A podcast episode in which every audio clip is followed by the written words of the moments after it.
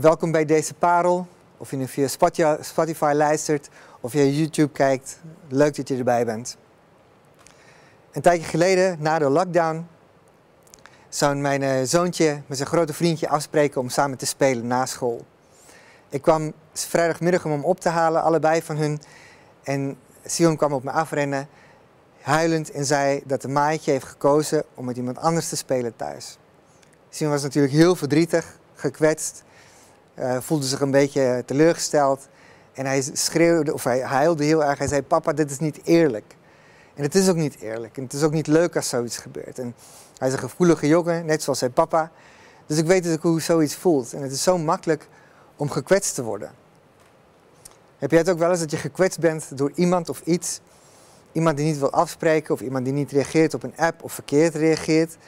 Uh, of je negeert helemaal. Uh, de kerk die verkeerde beslissingen maakt, misschien volgens jou, of de politiek die verkeerde beslissingen maakt. En je voelt je af en toe gewoon of er wat druk op zit. En je voelt je in de steek gelaten en gekwetst. Nou, wij zijn niet de enige die zo voelt. Wij zijn onderweg naar Pasen. En er is iemand die met ons daarover kan, kan identificeren en dat is Jezus. We lezen in uh, Jesaja 50 uh, een stuk over een profetie over wie Jezus zou zijn. En uh, pak je Bijbel erbij. En ik ga beginnen bij Jesaja 50, vers 6. Ik heb mijn rug blootgesteld aan mijn folteraars. Wie mij de baard uittrokken, bood ik mijn wangen aan. Ik heb mijn zicht niet verborgen toen ze mij beschimpten en bespuwden. Wat is dat een heftige omschrijving van wat met Jezus is gebeurd. Je zou denken gekwetst. Pijn, natuurlijk heeft het pijn gedaan. Niet alleen de pijn, de fysieke pijn. Maar al de zonde die hij op dat moment met zich meedroeg.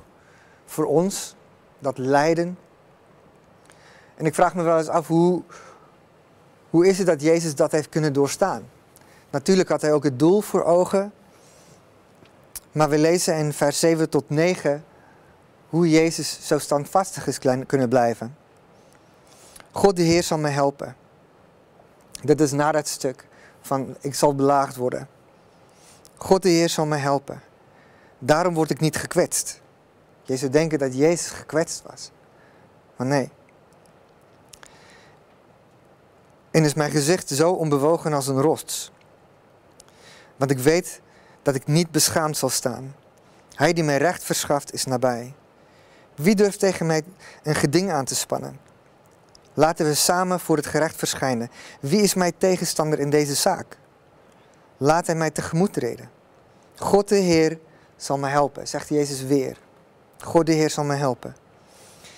Wie zal mij dan veroordelen? Mijn belagers vallen uiteen als kledingstuk. En als een gewaad dat een prooi is aan de motten. Nou, ik vind het nogal wat hoor. Dat Jezus zo ontzettend pijn heeft geleden en toch kan zeggen in dat moment, ik word niet gekwetst. Dat, dat is me opvallend en dan denk ik, ik wil dat ook. Ik wil dat ook als mijn zoontje thuis komt met, huilend met, uh, uh, dat een vriendje niet met hem wil spelen en dat voor een ander heeft gekozen. Wil ik ook dat het mij niet kwetst of mijn zoontje kwetst. We zijn af en toe net zoals deze prikkelplant heel prikkelig en we worden makkelijk getriggerd. Maar ik geloof dat er een heel mooi omschrijving is, ook in Jesaja 50, van hoe dit Jezus is gelukt om niet gekwetst te raken. Jesaja 50, daar begint het mee. God de Heer gaf mij een vaardige tong, waarmee ik de moedeloze kan opbeuren. Elke ochtend wekt hij mijn oor, zodat het toegerust is om aandachtig te horen. God de Heer heeft mijn oren geopend en ik heb geen verzet geboden. Ik ben niet teruggedeinst. En dan komt dat stuk van dat hij belaagd was. En daarna komt het stuk dat hij standvastig was. Dus, dus aan het begin heb je dat Jezus zijn oor naar de Vader draaide en luisterde. En het tweede gedeelte was dat oorlog, dat strijd, dat uh, aanval op zijn leven, dat aanslag. En dan als laatste dat overwinning. Dus je hebt de oren, de oorlog en de overwinning. En ik geloof dat wij heel veel kunnen leren uit deze stuk, maar ik wil gewoon één ding met jullie hieruit uh, bespreken, wat mij de, heeft geraakt toen ik dit heb gelezen en aan het voorbereiden was. Is dat we zelf, onszelf mogen trainen om beter te horen. Dat we kunnen horen wat de Vader zegt. En ik denk dat er twee manieren zijn om dit aan te vliegen. De eerste is door het leven heen als het goed gaat. Dat we naar de Vader luistert door het leven heen als het goed gaat. Maar ook dat we naar het leren onszelf trainen om naar de Vader te luisteren door het lijden heen als het niet goed gaat. En dat door het leven, als het goed gaat, is voor mij een soort van een ritme en een ritme van een rabbi. Uh, tijd met God in de binnenkamer, daar hebben we heel veel over gehad. Uh, al in een, een, een, serie over gebed. Maar vandaag wil ik even stilstaan bij dat tweede. Hoe gaan wij ermee om en hoe luisteren we naar God? Hoe draaien we ons oor naar Hem toe? Als we lijden hebben, als het moeilijk gaat, als we gekwetst worden. En ik moet ook eerlijk zijn dat de, parel, de vorige parels zijn mij vrij makkelijk afgegaan het voorbereiden, maar deze was best wel een struggle voor mij. Het begin was vrij snel, had ik het rond en had ik het op mijn plaatje. Maar daarna kwam het einde. Ik wil zo graag iets meegeven van een stukje innerlijke genezing. Maar het is onmogelijk om dat te doen in uh, zo'n korte tijd. Dus ik was aan het worstelen en een vorm aan het zoeken en het, het lukte maar niet. En gisteravond nog ging ik naar bed met echt zo'n ongemakkelijk gevoel van... ah, de parel is nog niet af, morgenavond moet hij opgenomen worden. Heer, help. En uh, ik voelde me echt even niet lekker erover. En wat ik heb gedaan is om gewoon te practice what you preach. Dit wat ik eigenlijk altijd doe met uh, mijn emoties bij God brengen. Dus ik, ik gaf waarde aan mijn emotie. Ik gaf waarde aan wat ik voelde. En ik ging op zoek naar uh, de wortel van dat emotie. Waar komt het eigenlijk vandaan? Wat zit eronder? Samen met God. En als laatste, wat is de waarheid van God over de situatie? Dus ik ging bidden. En eigenlijk wil ik uh, iets uit mijn persoonlijke dagboek met jullie delen. Um, als jullie mij toelaten. Wat ik heb opgeschreven erover. Dus het is een gesprek tussen mij en God over dat wat ik gisteravond voelde toen deze parel niet lukte. Jezus, wat voor emotie ervaar ik op dit moment? Je voelt een angst dat je gaat falen. En daar een of ander, door een of ander mand gaat vallen. Wat voor wortel zit er onder deze emotie, Jezus? Dat het nodig is om jezelf te bewijzen. Dat je niet serieus genomen zal worden. En dat er niet gezien gaat worden wat jij kan. Eh, en dat er niet uit je gaat komen wat ik in je heb gelegd en je, aan je heb gegeven en toevertrouwd.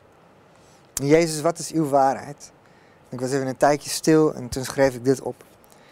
Je legt deze juk op jezelf, maar mijn juk is lichter en zachter. Laten we ruilen. En ik zag bijna in mijn hoofd hoe ik zo'n zachte, plonsige, pluizige, verige juk op me kreeg.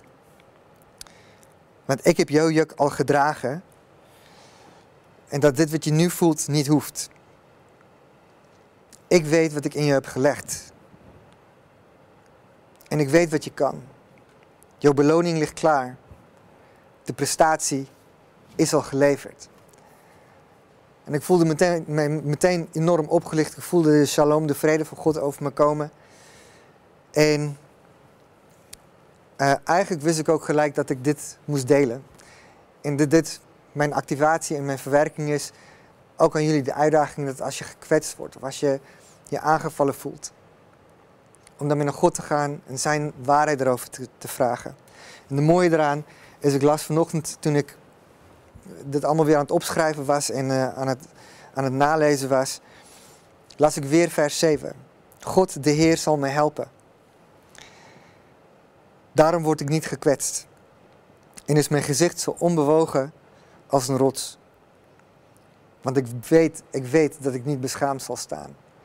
En opeens landde deze tekst ook zo in mijn hart dat dit is ook waar Jezus voor heeft geleid. Deze bevrijding, deze stukje innerlijke genezing, als je het zo wilt noemen, is ook iets wat God aan ons wilt geven. En ook als wij identificeren met zijn lijden en hij identificeert zich met ons lijden, kunnen we daar genezing in ervaren. En ik snap ook dat dit is natuurlijk helemaal niet eh, hoe heftig Jezus het heeft gehad, maar uh, zijn belagers waren veel erger. Maar ik denk, en dat merk ik ook in mijn eigen leven, dat onze, onze eigen gedachten zijn eigenlijk onze grootste belagers. De grootste aanvallen komen van onze gedachten. En de vorige paar parels gingen over stagiaire zijn, door bij Jezus te zijn, de stagiaire te zijn van Jezus, door bij hem te zijn, zijn door het middel van memorisatie. En toen de, degene daarna ging over uh, door hem te, bij hem te zijn met gazing prayer of aanschouwend gebed. Deze parel gaat dus ook bij het Jezus, over het zijn bij Jezus, maar in dit geval in onze lijden, in onze pijn, hem uit te nodigen om daarin te komen en daarin te spreken. Dus ik wil jullie aanmoedigen, als je, als je, als je innerlijk pijn heeft, hebt, laat toe dat God tot je spreekt. Verzet je niet. De Bijbel zegt, verzet je niet je oor tegen wat hij tegen jou wil zeggen. Kom dichterbij, ga dichterbij, luister. En hoor zijn stem over de waarde van je emotie. emotie. Wat, je, wat de waarde is van je emotie. En wat de wortel is van je emotie.